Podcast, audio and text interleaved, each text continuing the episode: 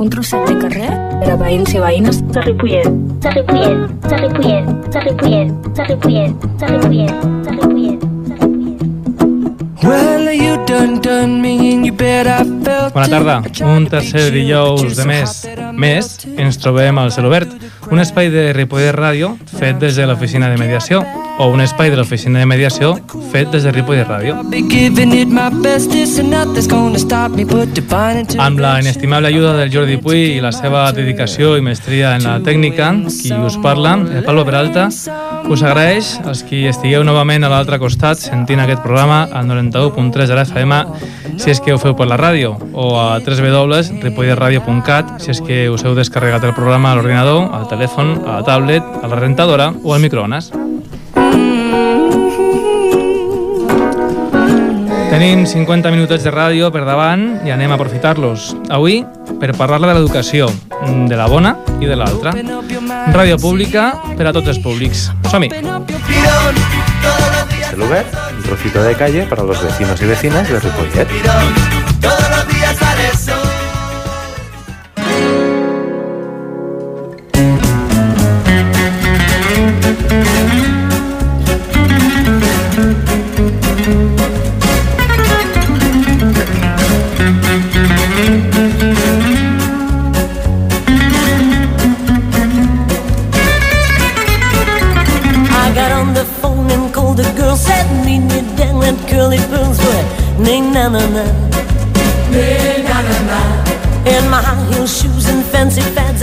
Si sou papàs o mamàs d'un bitxet de més o menys 3 anys, estareu ja pensant en fer una visita a una escola aprofitant les jornades de portes obertes que havia tindran. En aquesta visita mirareu amb lupa les avantatges i desavantatges que us ofereixen aquesta o l'altra escola per tal d'escollir la millor pels vostres hereus. Si aquell o aquella que us succeeix ja té alguns anys més, aquest exercici ja l'haureu fet i ara estareu pensant en quin institut matricular-ho o cap a on encaminar els seus passos. Però pregunteu quines seran les tasques que com família haureu de fer? Pregunteu com es pot participar al centre? I els centres escolars? Us ho comenten? Els veïns, les veïnes, els comerciants, els treballadors i treballadores de l'Ajuntament ens preocupem de què es fan als centres escolars?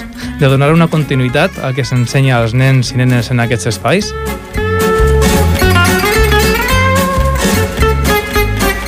Aquesta gent menuda, que ara porta pesades motxilles penjades a l'esquena, seran les bones persones del futur. I què fem per ajudar en aquesta tasca tan complicada de preparar a nous i noves ciutadans amb els quals hem de conviure? Avui parlarem de l'educació com una tasca de tots i totes que d'una o altra manera supera sí o sí les parets dels centres escolars. I per fer-ho, doncs, tenim uns convidats, de, com sempre, de luxe. Uh, per ordre d'aparició i ordre alfabètic, uh, tenim aquí a la meva esquerra l'Anna Salvatella. Bona tarda, Anna. Bona tarda. Anna és la directora coordinadora de les escoles bressols públiques de Ripollet. Sí. També, també continuant per la meva esquerra tenim el Marco Bejar. Hola, buenas tardes, Marco. Hola, buenas tardes. Marco és membre de l'AMPAI, del Consell Escolar del Parpinetons, ui, del Parpinetons, perdó, de, de l'Escola Pinetons, i ve aquí en, en, en qualitat de, de pare, En calidad de en padre. qualitat de pare. Uh, també ens acompanya la Maria José Montagudo. Bona tarda. Bona tarda. La Maria José Montagudo és psico, ui, ho diré, psicopedagoga i orientadora de l'Institut Palau Cid. I aquí a la meva dreta ja i per acabar tenim a la Maria José Morcillo, que és la dinamitzadora juvenil de l'Ajuntament de Ripollet i responsable del cafetí.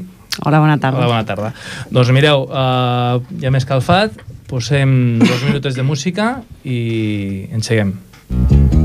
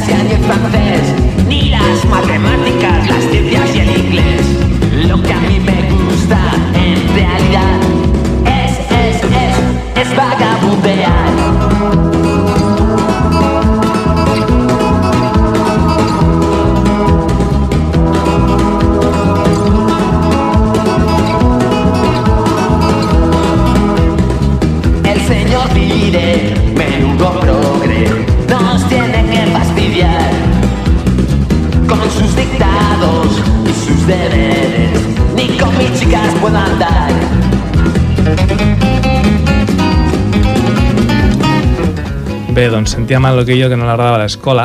Uh, no sé si ara els agrada o no els agrada a l'escola als nens i a les nenes. No sé, agrada? No, tots a la vegada no podem parlar perquè si no això de la ràdio no funciona. Els agrada l'escola, Anna, als nens? Sí, en general sí. Sí. sí. Tu treballes amb els més petits de tots, no? No, sí, a l'escola Bressol hi ha nens des dels 4 mesos fins als 3 anys. Déu-n'hi-do. I sí, tot i que al principi no els agrada perquè és un canvi important, després sí venen contents, bastant Mm. contents. En Marco pot reafirmar. Sí, sí, sí, puedo, puedo confirmarlo, de verdad. Sí. En general sí, ¿no? Eh, Por lo menos cuando son pequeños, sí. Luego ya cuando empiezas a crecer, ¿no? Ya te cuesta un poco más Al- querer al- ir al cole, ¿no? A dies al, al Palau sí, els, els costa anar o... Bé, els, els alumnes venen molt contents perquè jo penso que, que un dels grans atractius del, de l'institut no? és, i, i jo penso que també de l'escola és que conviuen amb altres, amb altres iguals no? Mm. llavors això és, un, és una motivació enorme ara, si venen igual de contents com venen a l'infantil o a la primària doncs jo penso que no tan contents. Ja, I potser surten més contents del que entren. això sí, això sí. I al, al, al cafetí, als espais de, de lleure, venen contents els nanos? No, al principi no. Ah, no? No, perquè és com una obligació, perquè en venen allà, perquè els han dit els pares, o venen derivats, i llavors molt contents no venen. I és una situació nova, que no tenen moltes ganes de- d'estar. Però després, quan veuen que fan activitats que a ells els interessa, doncs llavors s'ho passen bé, és com a tot, llavors sí que, sí que venen contents. Però al principi no. Clar, com, com podeu sentir, doncs, anem a parlar de diferents vessants de l'educació, dèiem, no? de plantejar el programa de l'educació com quelcom que va més enllà dels centres escolars i llavors la, parlarem d'una mica del lleure i, i de tot, però per començar, una, una de les coses quan preparava el programa era que bueno, venia molt al cap i, i buscant informació per, per internet era les, la, quan parlem de vegades de, de, de la formació dels, dels menors o dels nens no diferenciem entre ensenyar o educar o barregem. Uh, què penseu? O, o enteneu que educar és el mateix que ensenyar? Jo és que quan dius això d'ensenyar i educar, a mi se'm fa difícil no diferenciar una cosa de l'altra perquè jo penso que eduquem tothom, o sigui, tota la societat està constantment educant, o sigui, educar el pare, educar la mare, educar l'avi, educar el germà, educar el professor, educar el mestre, el mosso d'esquadra, educar qualsevol polític que faci una comunicació amb, amb un medi i, per tant, eh, estem constantment, jo penso que constantment és educar, no?, el que estan fent. Llavors, eh, separar el que és educar d'ensenyar, a mi se'm fa difícil, no? Perquè, bueno, ensenyar què vol dir? És ser neutre? És no transmetre cap valor? És ser escèptic? Se'm fa difícil. Mm -hmm. Bueno, ¿sí? ¿Yo? bueno, yo ense- enseñar es, un- podríamos decir que es un subconjunto ¿no? de, de la educación, ¿no? Es, es- es quizá una parte de, de la educación, ¿no? O es una forma dentro de educarnos, enseñar, ¿no? O, o aprender. Pero no, no, educar es el todo y, bueno, pues dentro de ese todo está el enseñar, ¿no? Es lo- como lo veo yo. ¿no? Anna, volies dir alguna cosa? Sí, per mi la diferència potser ratlla més de, de bueno, no sé massa bé com explicar-ho, però ensenyar, si féssim un esquema molt simple, seria d'una única direcció, és a dir, jo ho sé i t'ho ensenyo, i educar penso que és molt més constructiu i que és de dues direccions. Uh -huh. Per mi aquesta seria la, la diferència més important. No? Quan estàs educant, estàs llegint aquell nen i ell també t'ensenya no? què necessita. Que, bueno, Mhm. Seria molt complex, però així com amb, amb un esquema molt senzill, un seria d'una sola direcció, mentre que l'altre jo crec que seria de, de dues direccions. Potser un pes més en una, en una banda que en l'altra, però aniria en aquest aspecte. Mm, jo estic d'acord amb tu. Quan, quan eduques també el que hi ha és una intencionalitat, no? Vols veure un canvi en l'altra persona, una, o un aprenentatge, o una curiositat, o un, un pas més enllà, i, i ensenyar jo crec que un polític pot ensenyar, però tinc els meus dubtes de que pugui educar. O potser no tots, eh? és una qüestió també una mica de quin concepte tens d'educar o ensenyar. I havia, havia, havia estat doncs, buscant una mica no? I, i, i arribava a una, pot ser una conclusió que seria com això, que ensenyar seria com el, la transmissió de coneixements, de, de, de tècniques no? d'una manera ordenada i a nivells, no? el que podria ser doncs, un sistema educatiu o un, un sistema d'ensenyança, per dir-ho millor, i l'educació doncs, que tenia més a veure en la transmissió de valors i aquestes coses. No? Potser el tema d'avui, tal com estan les coses, parlar d'educació dels polítics és una mica complicat, no? Mm. uh, i llavors, fent aquesta, aquesta reflexió i sobretot el que deia la Maria José, no? la Maria José Montaguda, que tenim dues, doncs Maria José de, de, del Palau Cid, eh, aquesta complementaritat no? de, de, de, que una escola també educa i forma, o el subconjunt que deia el Marcos, però de vegades eh, demanem diferenciar aquestes competències, no? de, de, doncs que pot ser el centre d'ensenyar i la família d'educar, eh, o hi ha famílies que diuen no, no, és que el nen allà ha de sortir educat de l'escola i jo a casa no he de fer res, no? No, no sé si a vegades ens dividim aquesta tasca sense voler, no? Ha, no sé, no sé com ho veieu vosaltres. Jo penso que les famílies, a veure, és clar que tant família com escola educa, per mi. Llavors, eh, moltes vegades s'ha delegat o s'ha volgut delegar el fet d'educar a l'escola, no? Educar i ensenyar. Però per mi eh, la família és el, el, el, el principal font d'educació dels infants no? i dels joves. Llavors, ells són els primers, aquest és l'ordre, després ve l'escola i evidentment després està també tota la societat, no? Llavors, eh, nosaltres quina tasca és la del professor o la del mestre? Per mi la nostra tasca és completar allò que els pares i mares ja han estat fent a casa. Per tant, nosaltres estem al servei de les famílies en quant a educació, em refereixo. Llavors, voler que tot el pes de l'educació recaigui sobre els docents, a mi em sembla que és una responsabilitat que ens sobrepassa en gran manera. Mm. Just agafo això que, que comentes i, i de rebote, ¿no? Aquí sí. dono amb el cap a la pilota y se la pasa al, al, al Marco. Sí, bueno, en, en, parte tienes razón, ¿no? Las familias tenemos que ser conscientes de que mm, la responsabilidad de educar a, a nuestros hijos es nuestra, no de los profesores, ¿no?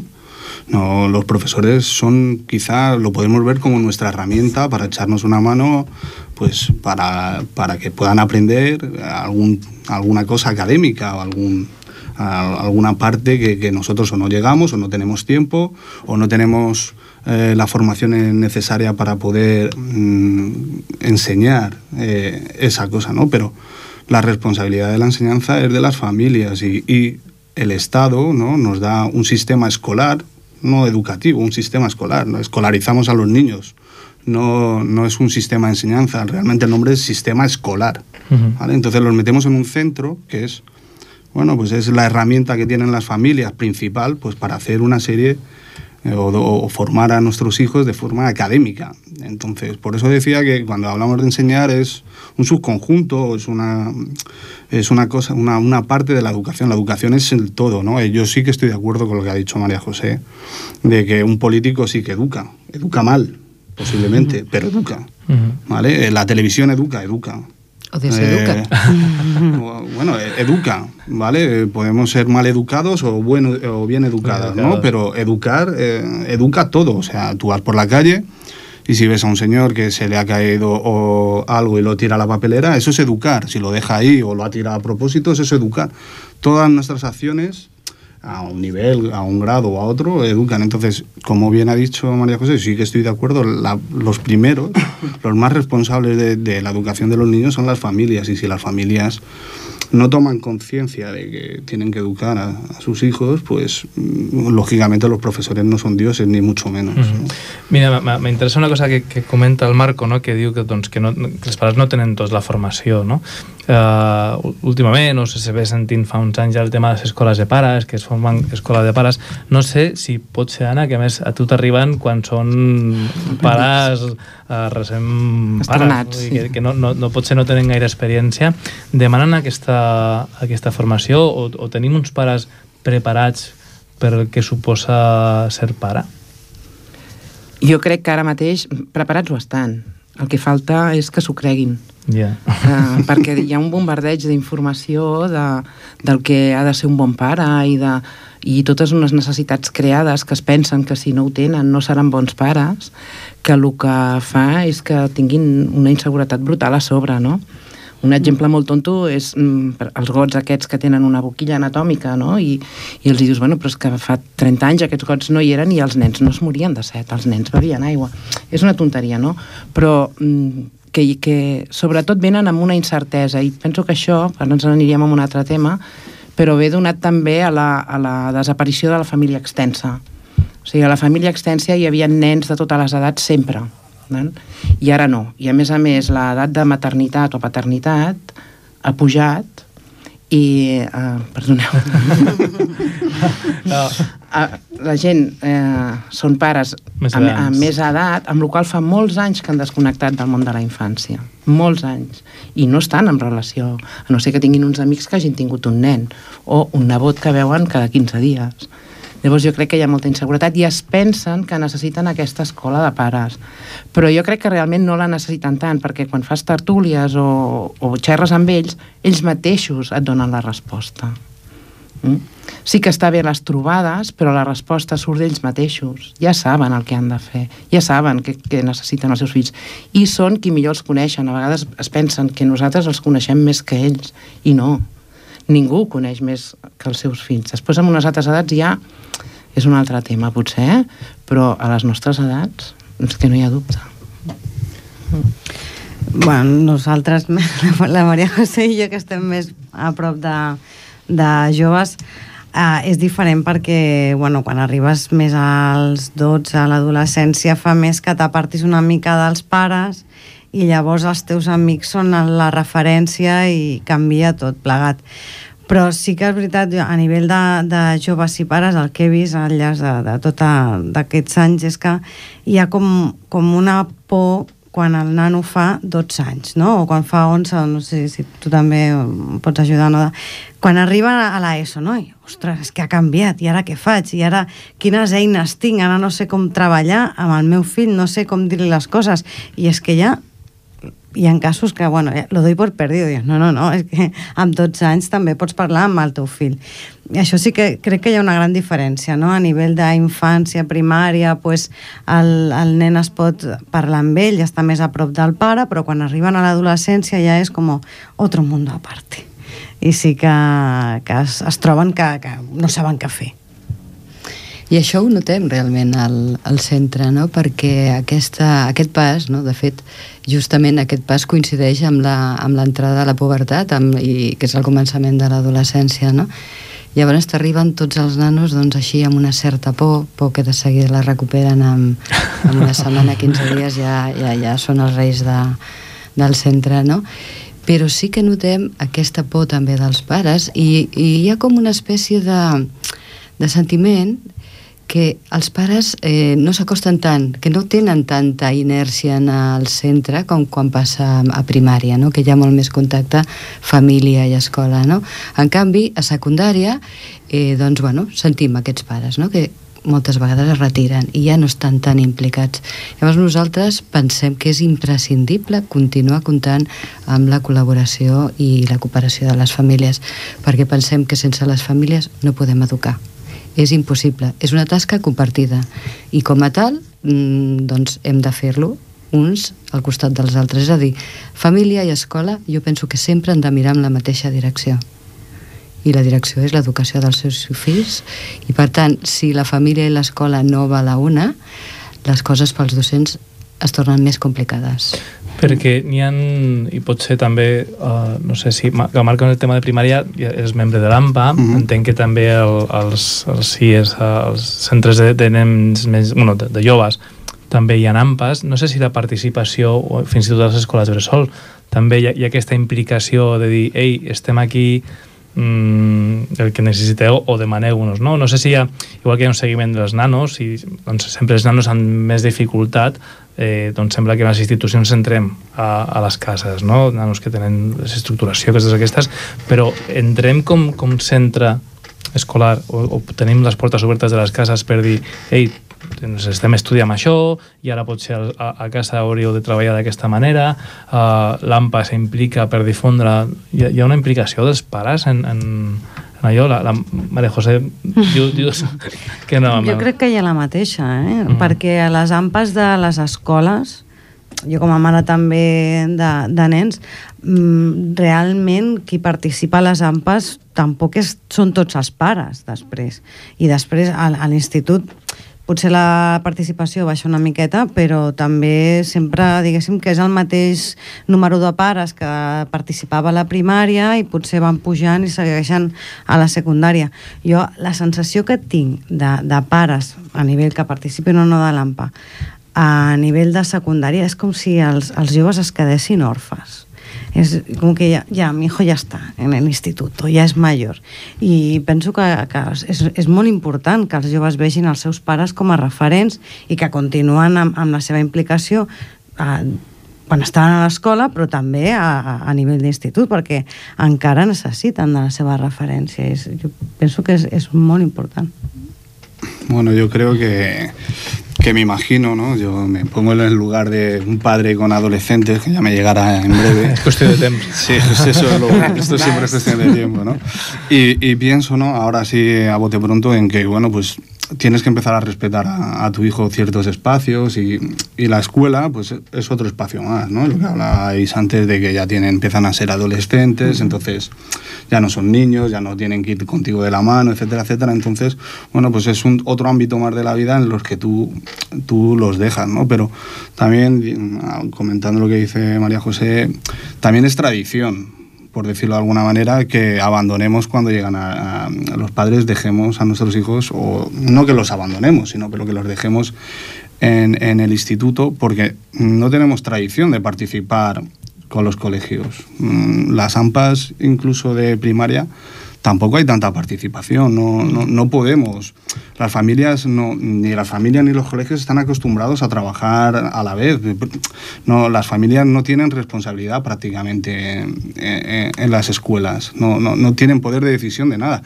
Los maestros tampoco tienen mucha más, porque todo viene de, del Estado, ¿no? Te, te, marca el currículum, te marca horarios, te marca... No, o sea, ni, ni los profesores ni las familias, que son los que trabajamos con, por decirlo así, en la educación de nuestros hijos, no podemos hacer nada. O sea, no, no es que no podamos hacer nada, no es que todo viene impuesto. Entonces, no hay participación porque no la, no, la matan desde, desde todos los ámbitos, ¿no? Y un profesor que quiera hacer algo y que pueda convencer a las familias tampoco puede, tampoco puede hacer nada. Un director para poder hacer algo tiene que pegarse con su inspector y el inspector, si es así, tiene que pegarse con el de más arriba y al final llega hasta el ministro, o sea, que es, es, es tremendo, ¿no? Pues no sé si es el momento de, de desmentar al señor Bert. No, bueno, eso es, en, nuestro, en nuestra escuela es persona non grata, vamos, pero... Literal. Literalmente, así. Entonces, eh, participar, realmente participamos poco. Intentamos participar más, pero es que no hay tradición. El pero, col·le és, un, és una institució molt estanca. És curiós perquè eh, això, doncs, tenem entès doncs, que l'escola, o sempre diem que l'escola és com, les, igual que les entitats veïnals, de vegades queden com l'escola de la democràcia, doncs els nens i les nenes se suposa que passen per les escoles bressols, pels esplais, per com aprenent a ser ciutadans, no? I pel que comenteu, doncs, uh, no els estem educat gaire en... Clar, després ens queixem als ajuntaments que no hi participa la ciutadania. Pa es, es pot participar? És, és tan fotut el tema? No sé, a una escola bressol hi ha participació? Sí, aviam, a l'escola Bressol jo penso que, primer, que totes tenen un, un cost per a la família. Llavors, mmm, la família mm. que ara mateix porta el nen a escola Bressol és perquè està treballant, perquè pot pagar aquest, aquest, aquesta mensualitat, no? Llavors també hi ha una dificultat de temps de participació. Però la meva opinió és que la, la participació de les famílies és inversa a l'edat dels nens, és a dir, quan més petit és el nen, més participen la, les famílies, i si no ho fan és perquè no poden, no perquè no tinguin ganes, uh -huh. perquè tenen ganes de participar. I quan demanes mm, participació, la gent respon, sempre hi ha gent que et respon. Bueno, las Però clar, no és no voler, és no, que no poden. Bueno, las escuelas Bresol ¿no? son, son, di- son distintas. Primero porque son bebés prácticamente, ¿no? Y segundo, no está el Estado tan, tan cerca y ellos tienen muchas más posibilidades. Entras en clase, tienes una, un- tienes una participación directa. Es muy diferente pues, ya a un instituto y ya no hablemos de universidad ni nada de esto, ¿no? Lo cual, pues, pues es cada vez hay menos relación, prim- primero por eso, ¿no? Porque te, te cierran no es que te cierren las puertas, porque no te las cierran, sería falso decir que te las cierran, ¿no? Pero mm, cuesta llegar, ¿no? Cuesta llegar, cuesta relacionarte. En cambio, en cambio cuando vas a una escuela Bresol, la, la profesora de tu hijo es, bueno, yo qué sé, es, es, es otra, es, es casi de la familia, ¿no? Es que Sí, sí, es así. es, que es así, ¿no? Es que las profesoras ahora de, de mi hijo, pues yo no las veo como profesoras. Mm, Son yo no sé, no sé, no sé buscar una una palabra porque la voy a liar, pero, pero es, es como pues, pues, de la familia, ¿no? Entonces es distinto. En cuando empiezan a entrar en, en, en la escuela ya en primaria, pues quizá los tres primeros años no es Bresol, pero eh, eh, ya empieza a ser un poco más diferente y ya en primaria ya la cosa ya es... ah, se, Ja, se acabó el chollo, chavales. I, i ja després, quan arribes a un institut, estàs resant perquè no, no, per no veure el teu pare a dins de classe teva. Claro, és, és... Bueno, que això penso Com que això és important, no? Però bueno, el no veuen el pare dintre de la classe. A veure, el, el contacte amb les famílies no vol dir que tinguin que estar els pares a dintre de les classes. El que vol dir és que pares i, i professors parlen, es posen d'acord, col·laboren junts, prenen decisions i en definitiva el que fan és acompanyar l'estudiant. Vull dir que no, no és ben bé tenir el pare dintre de l'escola, no? Jo estic molt d'acord quan tu dius que la participació al, de les famílies és inversa a l'edat, no? O sigui, és veritat, jo penso que a secundària no es participa ni de bon tros tant com es participa a primària, no? I també estic d'acord amb la Maria José dient que, però justament ara és imprescindible aquest referent que dona el pare i la mare a l'educació dels, nan dels nanos ja adolescents, no?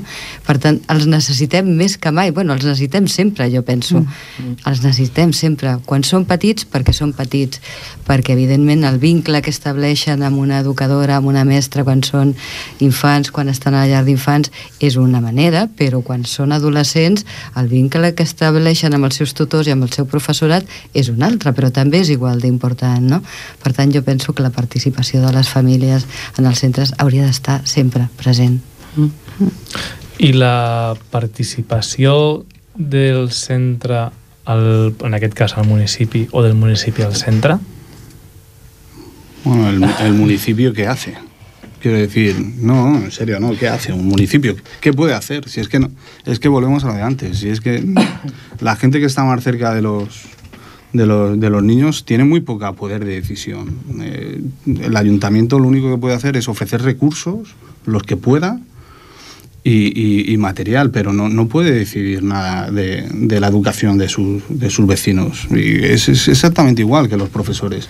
Los profesores lo tienen todo marcado. Pueden hacer, pueden tener matices, pero, pero el, el- el tronco principal es, está muy atado y para las familias igual, dentro de lo que es el sistema escolar. ¿eh? Luego fuera ya es, es otra guerra, ¿no? Entonces, quizá es ahí donde el ayuntamiento debería, o donde debe de, de- de poder a- atacar más, pero es que, ¿qué puede hacer? Bueno, justament aquesta era una mica la, la pregunta, no? Més, més enllà de, del, de l'esquema, no? del que dèiem abans de, del, del marc institucional d'ensenyança, del primer, segon, tercer de continguts, la implicació en el centre, el desenvolupament, eh, aquesta implicació en la formació ciutadana, vull dir, dèiem, doncs els pares s'impliquen més en primària que en secundària eh, i al revés, no?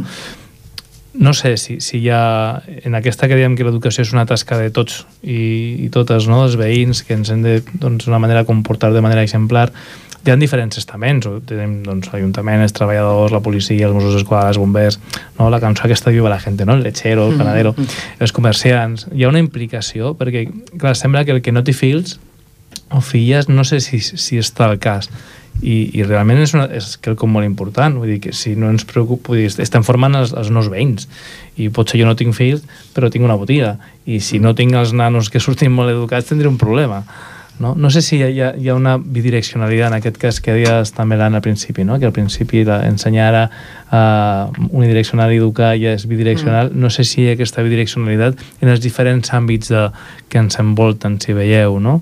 perquè els centres educatius doncs, uh, bueno, ara no, tal com esteu no sé, però abans feu sortides, per conèixer l'entorn, diferents, no? des d'anar a un museu, anar a un parc de bombers, anar a, doncs, bueno, avui veia a la web de l'Ajuntament que hi ha uns nanos que havien anat a l'Ajuntament per, havien vist l'alcalde, havien vist, parlat amb un funcionari uh, per explicar com funcionava. No sé si aquesta implicació, si aquesta bidireccionalitat uh, es dona i la veieu i la sentiu, sobretot, no? Nosaltres eh, clar, són molt petits, eh? però el, els més grans de l'escola surten cada setmana a passejar, cada setmana, i pot ser un passeig tranquil, o sigui, només amb l'únic objectiu de passejar, però de vegades es van a veure coses, jo que sé, als horts del, del riu Ripoll. I si coincideixes amb un avi que té ganes, aquell avi ensenya i aquí sí que potser seria ensenyar, eh? O sigui, uh -huh. és ell l'expert, no? I ens explica, doncs, que, com ha sembrat, com ha fet, no? O sortim a comprar fruita, doncs la senyora de la fruiteria ens diu, mireu, això està madur, o...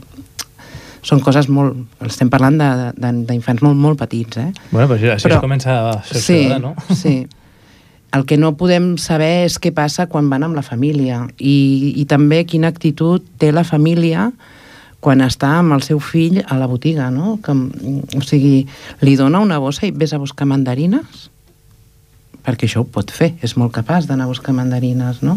I la, la, la persona o la senyora o el senyor que, que està allà dependent i veu un nen, es posa a l'alçada del nen vols que t'ajudi, no hi arribes? No sé, per mi això potser... Hi ha gent que es pensa que sóc una mica utòpica, però per mi això seria un món normal mm. i no, només suposa una actitud, res més.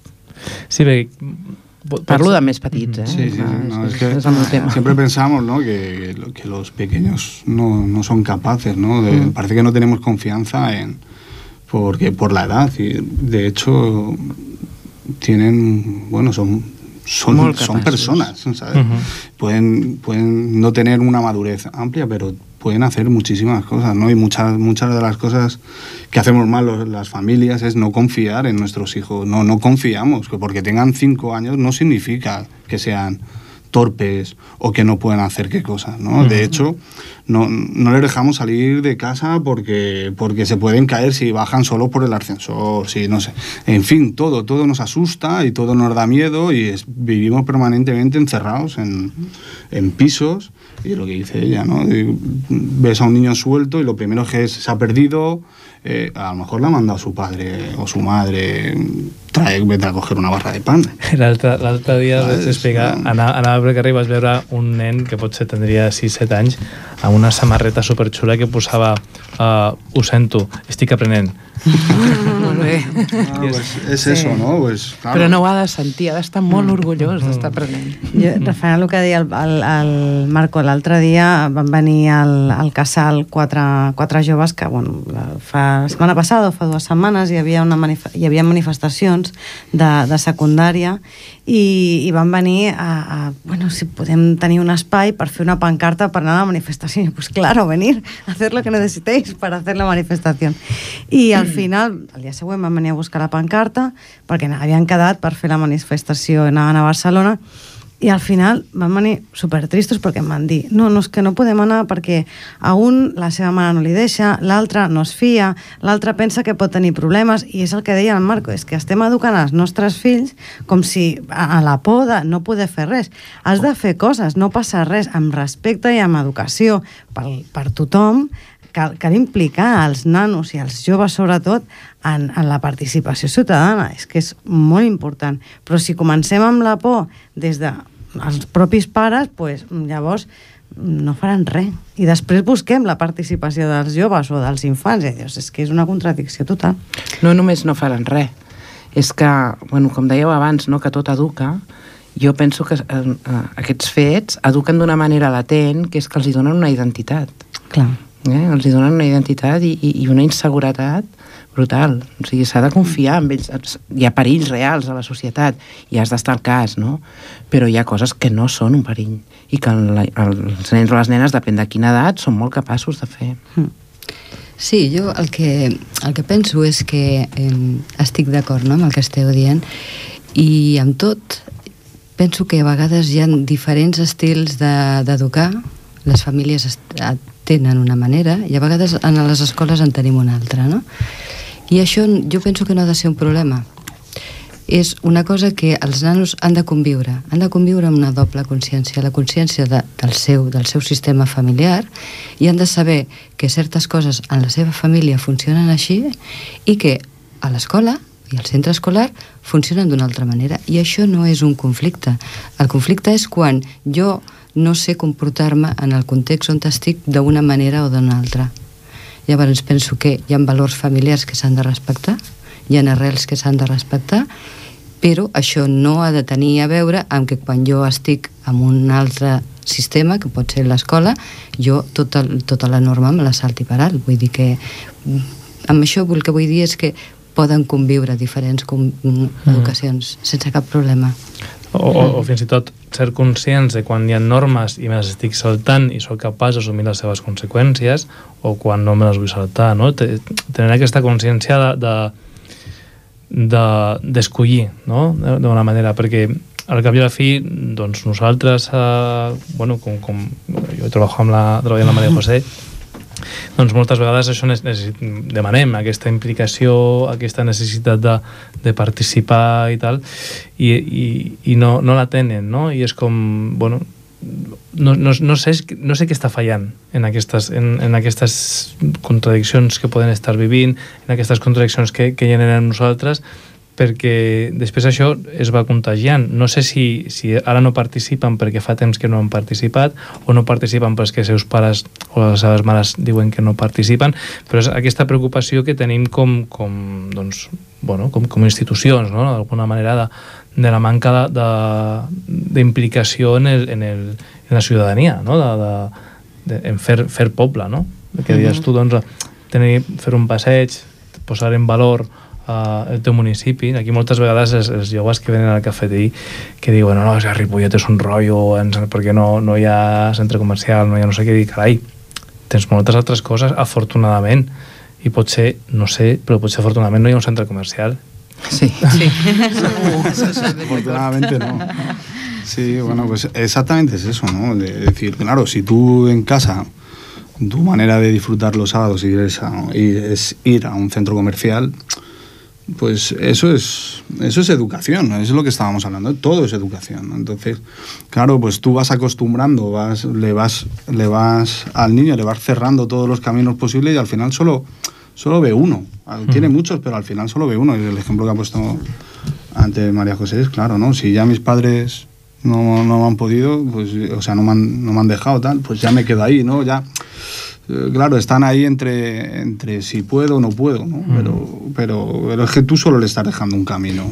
Que los miedos de los padres son entendibles, o sea, és, és, és, és fàcil d'entendre, no? Que, que pugui haver un perill i que pues, bueno, hi ha un neguit i això és, és entendible.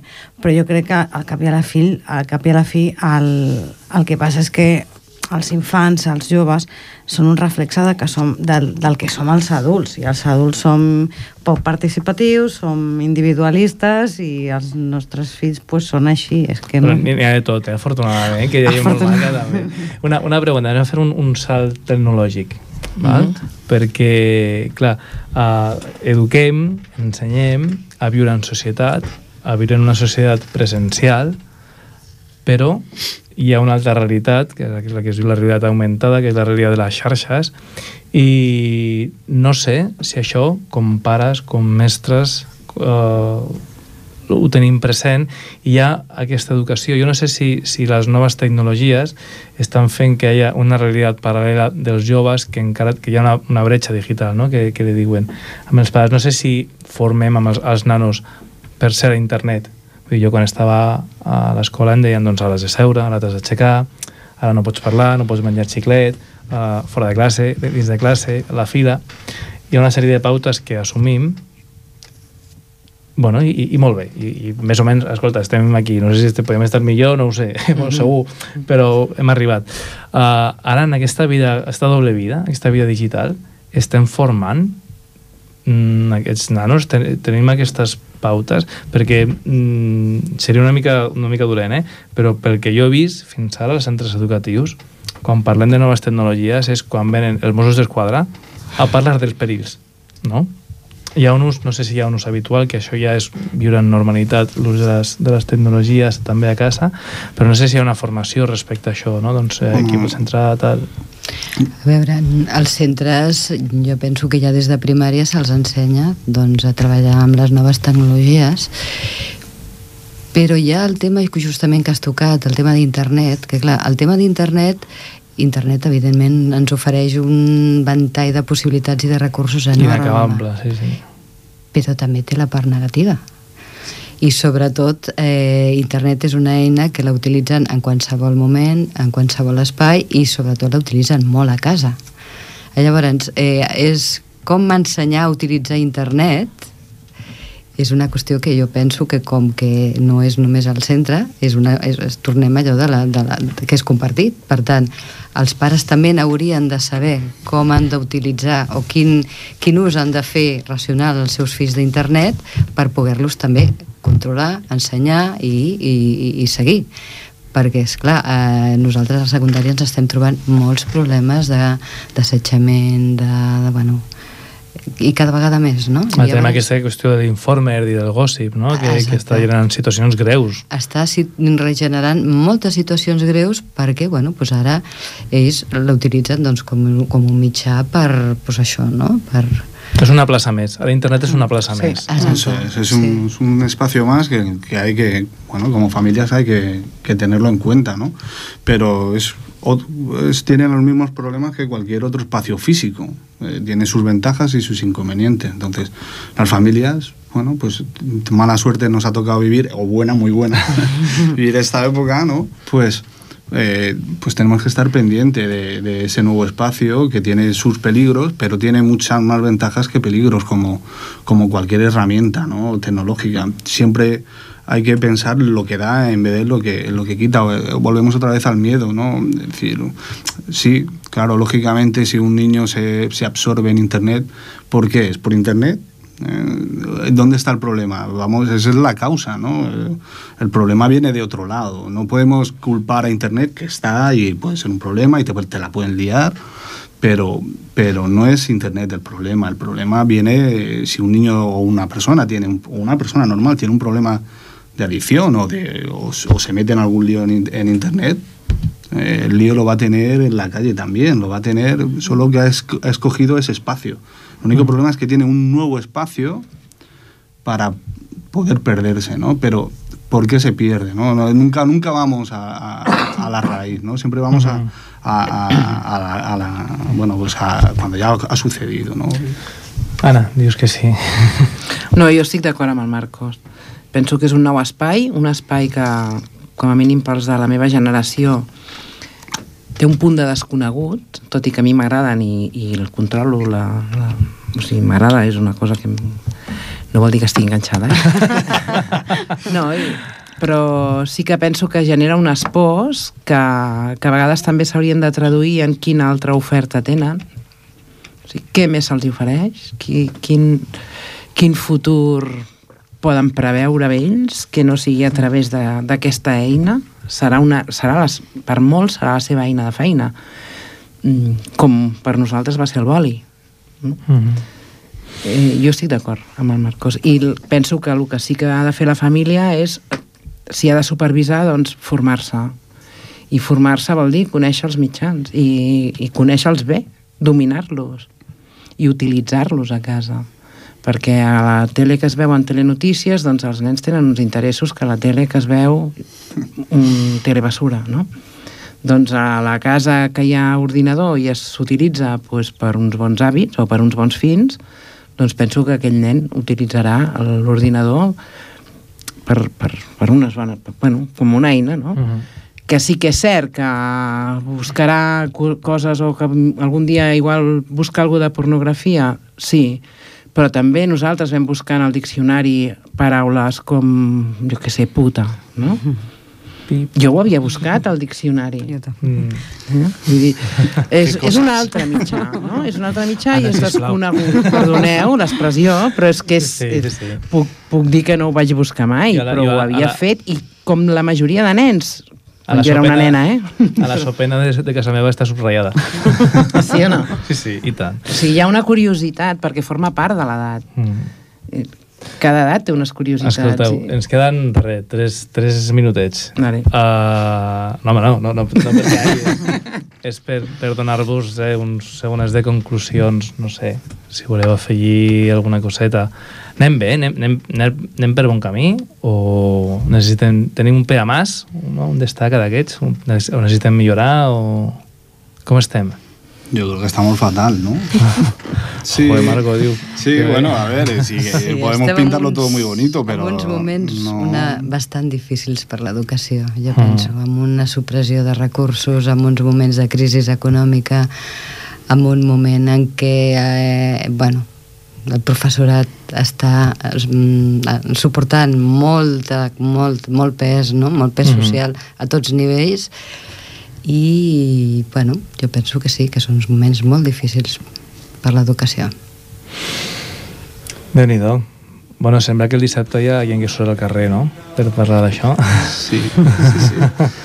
Saldremos unos cuantos, sí. Doncs sortiu de, ja columna des de Ripollet? Bueno, no, no, no, no en esta todavía no, en esta pero no. en la próxima, en la próxima todos los AMPAs intentaremos ir juntos. Sí. Molt bé.